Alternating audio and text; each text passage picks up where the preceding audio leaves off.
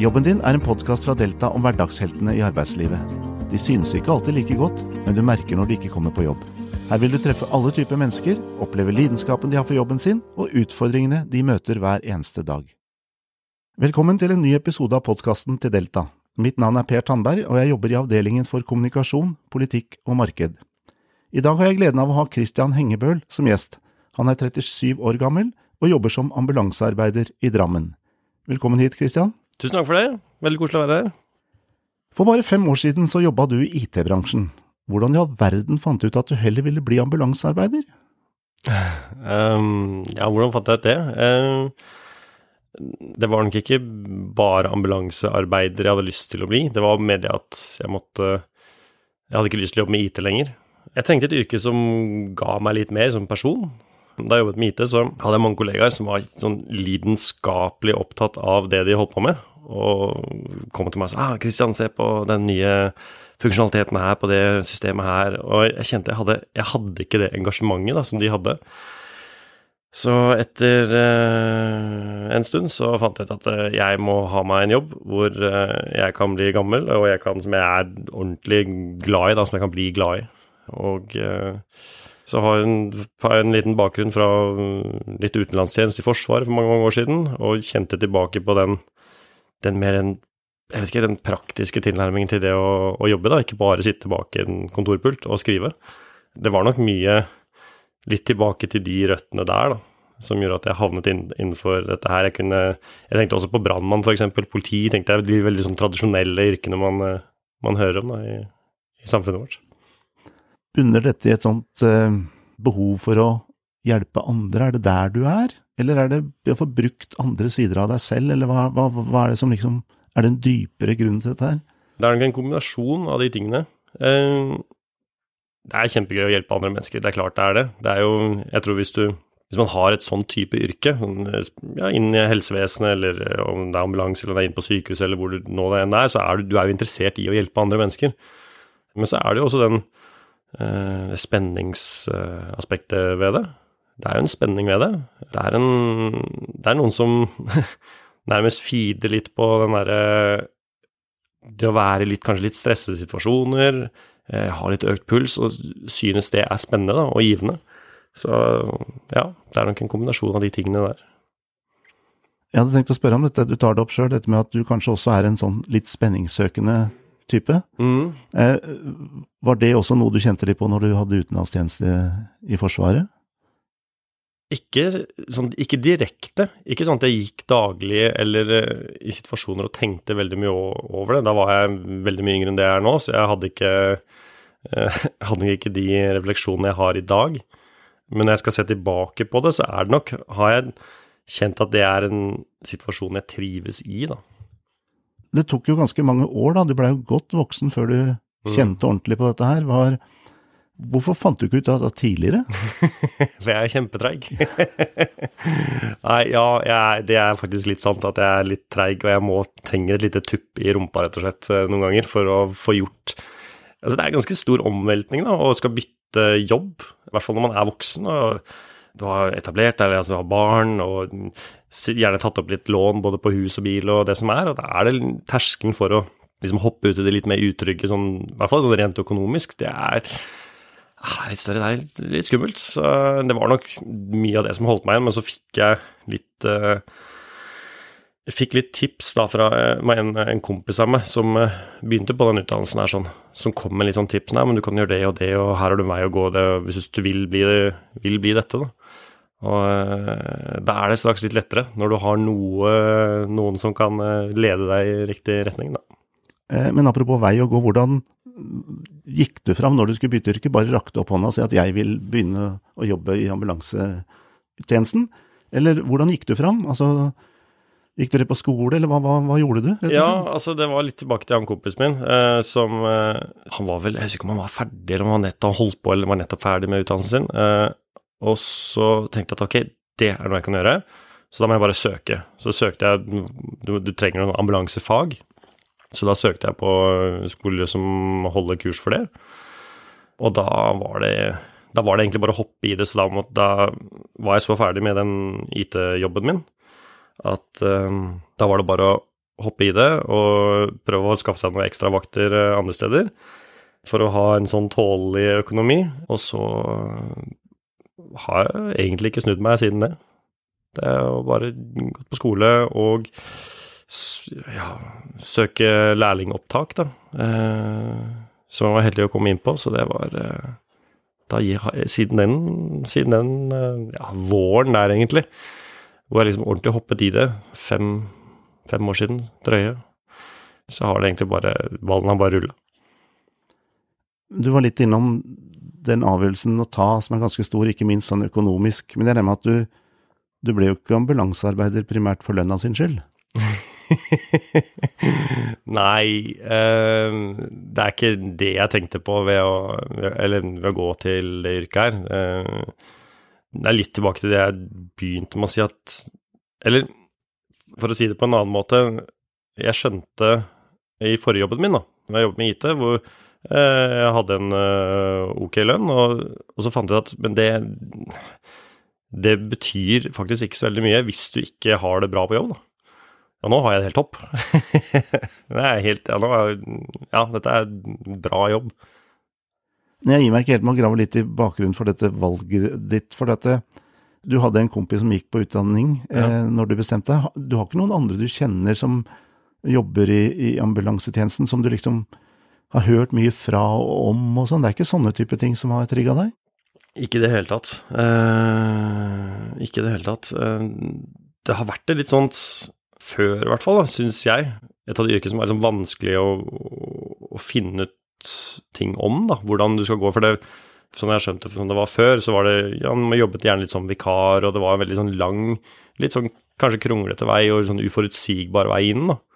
Jeg har ikke hatt noen sånn uh, andre kompiser eller bekjente annet enn han, og det, når han da kom med disse tingene og sa at du kan ta de fagene her, du kan gjøre det og det og det for å da søke deg videre, så plutselig da hadde jeg noe, hadde jeg noe håndfast. Så det gjorde det rett og slett bare Det var egentlig det som gjorde, fikk den ballen til å rulle litt fortere, eller rulle litt i det hele tatt, faktisk. Og så fikk du læreplass. Ja. Men da kom jo også du inn som lærling i en, i en godt voksen alder der òg. Ja. Kanskje jobbe sammen med folk som kanskje både er yngre og, og eldre enn deg. Absolutt. Mens du liksom da på en måte er siste ankomne litt nederst på rangstigen, kanskje. Ja, ja, aller grad. Var det greit, eller? Det er, jeg snakket om med mange av kollegaene mine også, det er en veldig sånn rar rolle å gå inn i når du er voksen, fordi det i hvert fall jeg da, forbinder med lærlinger, er at da er du veldig ung. Da er du sånn ja, rundt videregående alder, og du er veldig, veldig ung. Så det å tre inn i en lærlingerolle som Ja, da var jeg 35, 4-35 det er litt rart, faktisk. Men så må du bare Det er litt sånn måten du ser det på. Du er der for å er der, Det er jo en del av utdanningen din. Og du er der for å lære, så du må bare rett og slett bare suge til deg det du kan. Og utnytte de, eh, de to årene da, som lærling eh, som best du kan. Men ja, det er, det er en litt sånn ja, det er litt sånn snodig, snodig sted å være når du er, eh, liksom har vært i arbeidslivet i mange år. da. Du har familie, du har barn, og du har Altså, ja. Så skal du liksom tilbake på det man forbinder med en sånn 20-åring, 19-åring. Det er veldig rart. Men du smiler veldig når du forteller dette her, så det er tydelig at du, det gikk greit. Du likte den perioden også? Ja da, det er eh, Jeg var lærling på en stasjon med veldig mye aktivitet. Veldig, veldig mye aktivitet gjennom eh, hele arbeidsdagen, egentlig. Som gjør at da er du så heldig, da. Eller jeg var så heldig å få være med på veldig mye. Det var absolutt en fin tid, altså. Absolutt. Når jeg ser og hører det du forteller, så får meg til å tenke på en politimann jeg kjenner. Han er på en eller annen måte i beredskap uansett om han er på jobb eller ikke. Du ser det bare på han, liksom. Er du også en slik type, liksom alltid på vakt? Uh, nei, nei, det tror jeg Kanskje da jeg begynte med faget, både da jeg gikk på skole og kanskje dels som lærling også, fordi da var det så veldig mange ting som var nytt. Første gang eh, man møtte på en eller annen spesiell sykdom eller en hendelse. Og da var jeg kanskje litt mer sånn på alerten ute, da, eh, ute i sivile eller ute da jeg ikke var på jobb. Men eh, jeg føler ikke at jeg er det nå. Selv om jeg ikke har jobbet der så veldig lenge, så er jeg, ikke det nå. Jeg tror hvis du skal være på vakt hele tiden, så blir du fryktelig sliten. Men jeg liker å tro, da, hvis det skulle skjedd noe, så liker jeg å tro at da Eller da kommer jeg til å være en av de som er med og hjelper, da. Nå har du jo, du er ferdig med leietida, du jobber fast. Er det mulig å beskrive hvordan en vanlig dag på jobben er for deg, eller finnes det ikke vanlig dag? Det er liksom så fint, fordi det er liksom ikke noe vanlig dag. Det er ikke noe sånn type Jeg tror hvis du spør alle de som jobber med dette her, sånn, eller det, veldig mange sier at det, det er så variert, da. Det er et av de yrkene som Det er veldig få dager som er like. Så sånn hvis du skal i løpet av en vakt, så har du faste ting du skal gjøre. Altså sørge for at utstyret på ja, i ambulansen er i orden, at det er der, osv. Um, ehm, men det er liksom ikke noe vanlig dag. Det er for det er så forskjellige typer oppdrag vi er på. Dere har jo en jobb som er veldig alvorlig, for å si det på den måten. Det står om liv og død det kan gjøre. Ja. Når du og partneren din, dere er jo alltid to som rykker ut, f.eks. til en alvorlig ulykke eller en hjertestans eller den type ting. Hvordan er det da? Er, er, du spent? Er du redd? Eller er du bare, bare i gåseøynene, veldig fokusert? Mm, jeg er nok mer det eh, siste du sa. Veldig fokusert. Um, det er jo en sånn Du kan, du kan ta hjertestans, da, som du, som du, nevnte. Der har du en veldig sånn tydelig prosedyre som, uh, som vi bruker i hele landet. Uh, så du vet at du skal gjennom en, en sjekkliste, da sånn i begynnelsen, eller i det når vi rykker ut, så er det mer en sånn type fordeling av arbeidsoppgaver, rett og slett. Jeg er bare egentlig veldig fokusert og prøver å visualisere og se for meg de tingene som skjer. Da jeg var lærling, så jeg husker jeg jobbet med en, eh, en fyr som hadde jobbet her i Som var godt erfaren. Og han eh, ga meg det tipset, og det er noe jeg har brukt i senere tid, det er at uavhengig hva du skal ut på, så er det lurt å gjøre seg noen tanker om ok, hva er det verste som kan skje ut ifra den meldingen vi har fått da, fra, eh, fra, fra, AMK som dukker opp på skjermen vår. Hva er det, hva er det verste som kan, eh, som kan, skje her? Eh, fordi hvis du har gjort deg en Du trenger ikke å gå i detalj og planlegge det, men hvis du har gjort deg noen tanker om det, så er det så mye lettere å faktisk klare å gjøre det, hvis det skjer. Det er mye lettere å nedjustere seg selv når du kommer ut og si at ok, men det var ikke så ille som, eh, som meldingen tilsa, eller som innringer sa. Det er mye lettere å gå ned og roe ned da, i stedet for å stå der og tro at det er en veldig rolig tur, og så oi, det her var mye mer alvorlig enn det vi trodde. Sånn for å gjøre seg selv en liten tjeneste, da, bare. Du sier at du lærte noe av en som var godt erfaren. Utveksler dere ofte sånn 'jeg var på det og det, da gjorde vi det og det'? Snakker dere om sånne ting dere imellom? Ja, eh, på de litt store casene, kanskje, så, eh, så gjør, vi, gjør, vi, nok det. Eh, noen av oss, i hvert fall. Hvor vi utveksler litt erfaring på hva vi har gjort, og, eller hvordan det var, og hva vi gjorde. Fordi heldigvis, da, der vi jobber, så er det ikke de er det ikke veldig masse av disse kjempestore, alvorlige casene. Det er, um, Hvis du snakker med folk som har jobbet her mye lenger enn meg, uh, veldig mye lenger, så sier de det at uh, Altså Før sant, bilene var uh, ikke like trygge som i dag, veiene var dårligere. Så det har liksom gjør noe med det veldig mange spør om. Og dere er sikkert veldig Eller borti veldig mange stygge trafikkulykker. Så bare nei, det er noen, men det er ikke de det er ikke de sånn kjempealvorlige, i hvert fall når jeg hører på det de eldre kollegaene mine eh, sier. Så når man da først er kanskje borti en litt større hendelse, så prøve å utveksle erfaring da, og, og hvordan vi har løst det.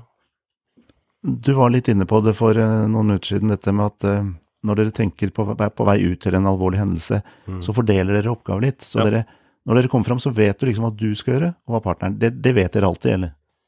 Ja, det er i hvert fall Ja. Eh, du har makkere som har jobbet sammen i mange år, som kjenner hverandre veldig, veldig godt.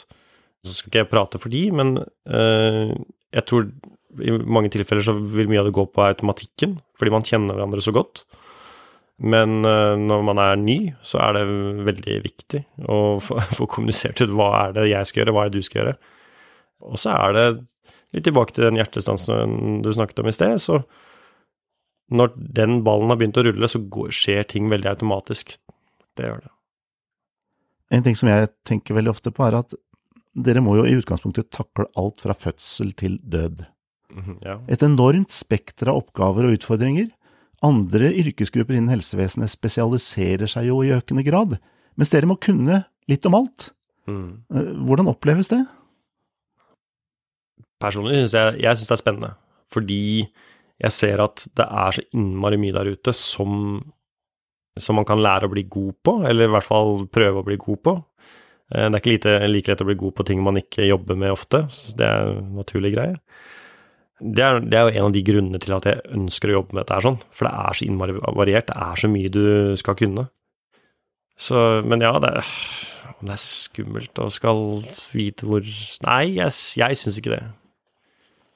Der- Dere er jo på mange måter et rullende sykehus, og teknologi kommer jo også sterkere og sterkere inn i jobben deres, vil jeg tro. Det er mye Dere får stadig nye hjelpemidler som er bygd på teknologiske eh, nyvinninger. Er det mye nytt utstyr å oppdatere seg på ofte?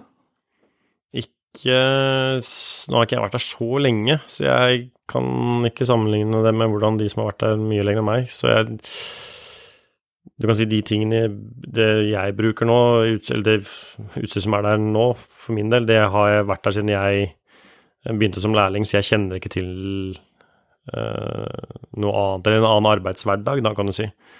Men det er litt sånn Prosedyrer endrer seg litt, og man skal holde seg oppdatert på det, så det er, men det er en del av gamet. Dette er kanskje et ganske stort spørsmål, men går det an å beskrive hva er det som gir deg mest i jobben? Har du, har du noen tanker? Ja, det har jeg lurt på selv også. Det er, øh, det er et godt spørsmål. Det er Det er vanskelig å gi et sånt veldig enkelt og kort svar på det, tror jeg. Eh, For det er så Og det handler egentlig om alle de opplevelsene jeg har hatt på jobb eh, med forskjellige typer pasienter. Som er altså summen av det, da. Altså summen når du går hjem fra jobb og du, du føler at du har klart å utgjort en liten forskjell. Eh, ikke nødvendigvis bare det så dramatisk som altså, eh, altså reddet liv, eller få noen tilbake igjen. Eh, jeg snakker om at du ser at en person har hatt det, hatt det veldig kjipt. Hatt det kanskje vært i sin livs verste krise, og så har du vært med som en del av et team og sørget for at den personen har hatt en fin opplevelse og en trygg opplevelse og får en bra dag. Det er en sånn god følelse å gå hjem med. Ser du personen i hver pasient, holdt jeg på å si, eller blir det bare en pasient? Altså, folk er jo forskjellige, og som du sier, hvordan man oppfatter at man er i krise eller ikke, varierer jo individuelt. Mm. Du, du, må jo liksom være på parti med alle pasienter, da. Mm. Går det greit? Det er en, det er en um, ting som er viktig å minne seg på selv hele tiden, fordi når vi kommer ut til noen, da, det spiller ingen rolle hvem det er, eller hva som feiler de, eller hva som feiler familiemedlemmene eller vennene, så kan det, altså for, for oss så kan det være hundrede gangen vi er på den type sykdom, eller den type oppdrag, da. Men for den personen her, den som ringer inn, så kan dette, dette kan være første møte med eh, ambulansetjenesten. Så det er liksom viktig å minne seg selv på det, fordi dette er førsteinntrykket får du ikke gjort noe med. Det er, sånn, første gang de skal ha et møte med ambulansetjenesten. Eh, og ja, det er ikke like lett å Når, klokka er halv fire på morgenen eh, eh, og man kjenner man er sliten i kroppen, men det er, det er vi som har valgt den jobben her. De har ikke valgt oss. De har ikke valgt at Christian skal komme hjem til de og, og, og hjelpe til. Og det er viktig å huske på. Så det er viktig å minne seg selv på det. Fordi um, det blir ikke så mekanisk, da, syns jeg. Hvis du skal bare tenke den ren pasient og ikke det menneskelige bak.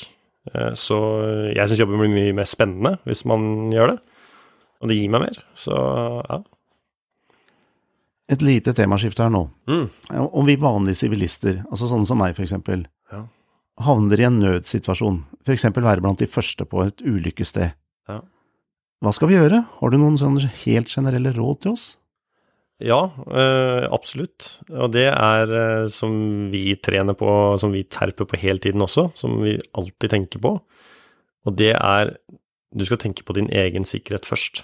Så hvis du havner på en trafikkulykke på motorveien, eller hvor som helst, så, og du går ut av bilen din, så hjelper det ikke at du går ut for å prøve å hjelpe, og så har du ikke sørget for å ivareta din egen sikkerhet, da, enten plassert bilen din på en måte som gjør at du ikke blir meid ned, eller havner ut for en annen type ulykke. Så du må, tenke, du må tenke på din sikkerhet for å kunne klare å hjelpe andre.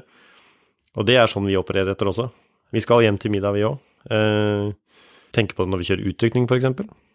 Ja, det er økt risiko når du kjører utrykning. Både eh, ambulanse og eh, politi og brannvesenet er, eh, er med på det. og men det hjelper ikke hvis vi krasjer. Da må du ha enda en ambulanse. Da må du ha ambulanse til det opprinnelige oppdraget, og så må du ha en ny ambulanse til den som har krasja. Så egen sikkerhet først, og eh, rett og slett se om noe så enkelt som se om en person puster. Og ring, ring 113. Kan vi gjøre så mye feil, egentlig, bort, hvis vi har sørga for denne sikkerheten vår? Jeg har sjøl vært i én kommet som bil nummer to til en ulykke, og det var ikke noe veldig alvorlig ulykke, men det var folk som opplevde det som veldig krise allikevel. Mm. Så der trengte personene rett og slett bare noen å snakke med og holde i. Mm. Mm. Så det ble min oppgave på, på den eh, situasjonen. Ja. Og det var litt sånn eh, rart, men det føltes ganske godt etterpå. Ja, det er klart det. det er, og det er kjempeviktig å gjøre det. Du kan ha folk som er i ordentlig sjokk der ute, som kanskje ikke helt gjør de riktige valgene og begynner å vandre av gårde. Så da er det kjempebra å ha en person som deg som kommer der som bil nummer to da, og hei, setter seg ned eller holder rundt og opp og prater litt, da, bare for å holde oppmerksomheten eh, på deg. Hvordan er det med oss eh, vanlige sivilister, har vi nok kunnskap om førstehjelp? Burde vi egentlig gått på kurs alle sammen og, og, og sørga for å friske opp det med jevne mellomrom? Ja, absolutt. Og det er sånn du rekker Altså, vi, vi trener på altså Førstehjelpskurs er veldig sånn relatert til, eh, til hjertestans, ikke sant? Til kompresjoner og, og innblåsninger. Vi, vi, trener på det jevnlig, eh, og vi har oppdrag som eh, gjør at vi må kunne det. Så for vanlig mann i gata så er det lurt å ha det, absolutt. Ha det årlig. Du rekker ikke å bli ekspert på det, men du vil vite noe om det. Så når du kommer da ut på en trafikkulykke eller et eller annet sted og det er en eller annen krise, så vet du at jeg, jeg kan noe om dette er sånn. Og jeg kan nok nok til at jeg skal klare å gjøre en jobb her til eh, profesjonell hjelp kommer. Så ja, absolutt. Eh, folk bør ta enten oppfriskningskurs eller gå på ny kurs, eller eh, Det er, tror jeg er smart, altså. Når vi er inne på oss eh, sivilister, så, så, går vi alle sammen nå rundt med en mobiltelefon med kamera i lomma. Mm. Og vi hører stadig om liksom, konflikter mellom nødetater og publikum, som forsøker å ta bilder på ulykkessteder, eller stopper opp for å glane, rett og slett. Mm. Oppfatter dere dette, og føler dere Hva vil du si til folk om det? Jeg personlig har ikke opplevd det før, uh, at noen står veldig over og tar bilder. Uh, det er en sånn generelt det er en dårlig greie å gjøre, syns jeg. Det kan være folk der som er enten alvorlig skadde eller alvorlig syke. Kanskje står pårørende rundt og ser på, så står folk og filmer og har det som underholdning. Det syns jeg ikke er greit. Her har du mennesker i sitt, kanskje sitt livs verste krise, og så skal det være underholdning for noen. Og jeg vet at er, eh, noen er flinke til å si fra om det når, når, det oppstår. Jeg tror kanskje for vår del så Eller for min del når jeg er ute hos en pasient, så jeg blir så fokusert på den pasienten, da. Og det som liksom er umiddelbar nærhet. Eh, så alt det som er liksom utenfor og et lite stykke unna det som ikke har noe betydning for min jobb og pasienten min, det bryr jeg meg ikke om. Hvis jeg skal tenke på alle disse tingene, så klarer jeg ikke å gjøre en god nok jobb, rett og slett. da. Vi nærmer oss eh, avslutningen nå, Christian. Eh, når vi forberedte dette her, når jeg ringte og snakket med deg på telefon, så, så var du litt opptatt av Du fortalte at eh, jobben din ikke er noe viktigere enn andres jobber, og at dere som jobber i ambulanse, ambulansetjenesten, ikke er helter. Kan du utdype dette litt? Mange vil nok betrakte dere som helter?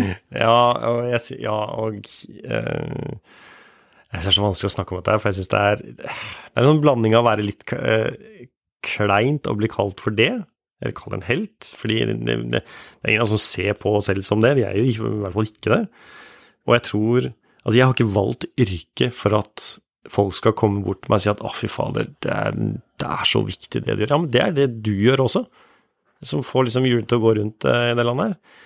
Så ja, det, det er som du nevnte tidligere, det handler om syke mennesker, det handler om liv og død i mange tilfeller. Vi har valgt dette for en grunn. Og mine grunner er i hvert fall ikke at jeg skal opp i sin heltestatus. Det er, Nei, jeg, jeg, kjenner Jeg kjenner det. Jeg bare gremmes inni det ordet. Men, men, det hender vel at du kan gå fra jobben og være litt stolt av det dere har klart å få til den dagen?